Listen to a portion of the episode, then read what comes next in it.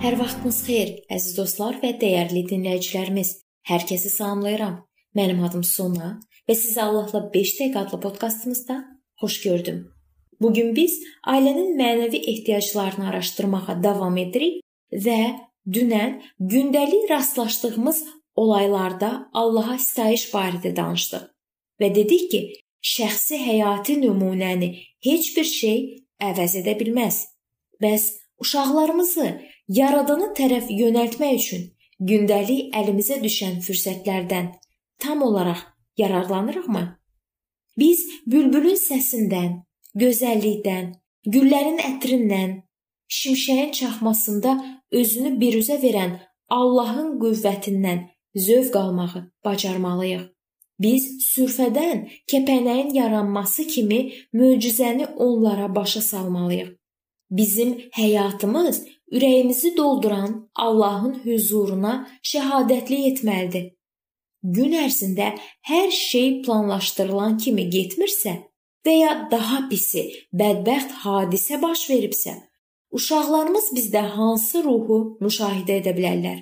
Hətta vəziyyətdən çıxış yolu görünməyəndə belə bizim Allaha necə güvəndiyimizi və onun mərhəmətinə güvənməkdə davam etdiyimizi görə bilirlərmi? Atalar, sizin ürəyinizdə Məsihin ruhunda nəsihət verən ailə başçısı olmaq kimi bir məsuliyyət var.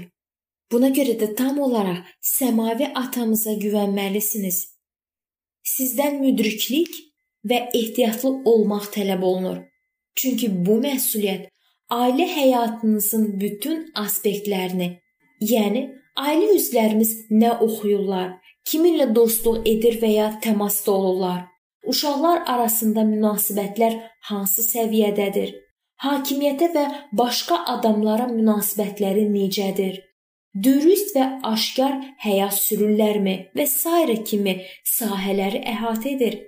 Siyahı çox uzun olduğundan bu mövzumuzda hamısını demək mümkün deyil. Amma sadaladıqlarımız artıq şuurumuzu oyatmalı və ailəmizə görə Allah qarşısında məsuliyyət daşıdığımızı bizə xatırlatmalıdır. Analar, gündəlik həyatınızda başınıza gələn hadisələr zamanı istənilən imkandan istifadə edərək, xüsusilə kiçik yaşlı uşaqlarınıza mənəvi həqiqətləri aşılamağa çalışın.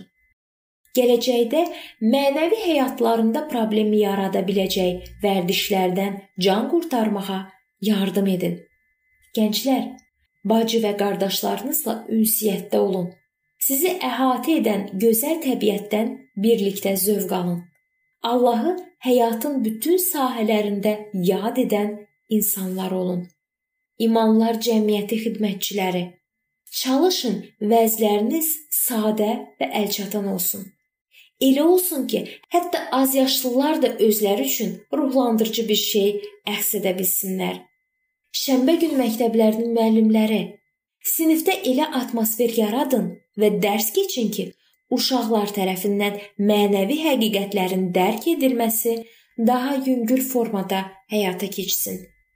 Ailənin mənəvi ehtiyaclarına qarşı qayğı gündəlik qəbul edilən qərarlara təsir edir və ailənin hər bir üzvünün həyatında böyük rol oynayır.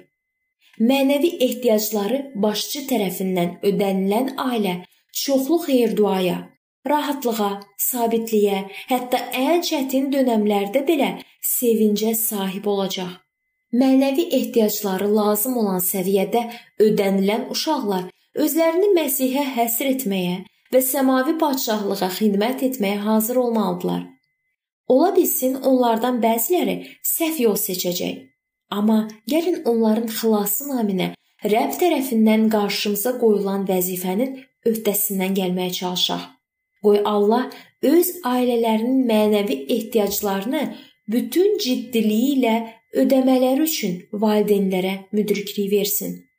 Qoy Allah həmçinin imanlı olub onu gələcək nəsillərə ötürmələri üçün uşaqlara müdriklik versin.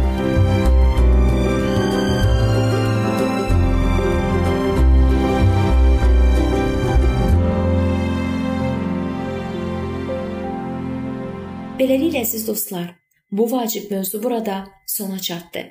Hər zaman olduğu kimi sizi dəvət edirəm ki, bizim podkastlarımızı Facebook səhifəmizdən və YouTube kanalımızdan dinləməyə davam edəsiniz.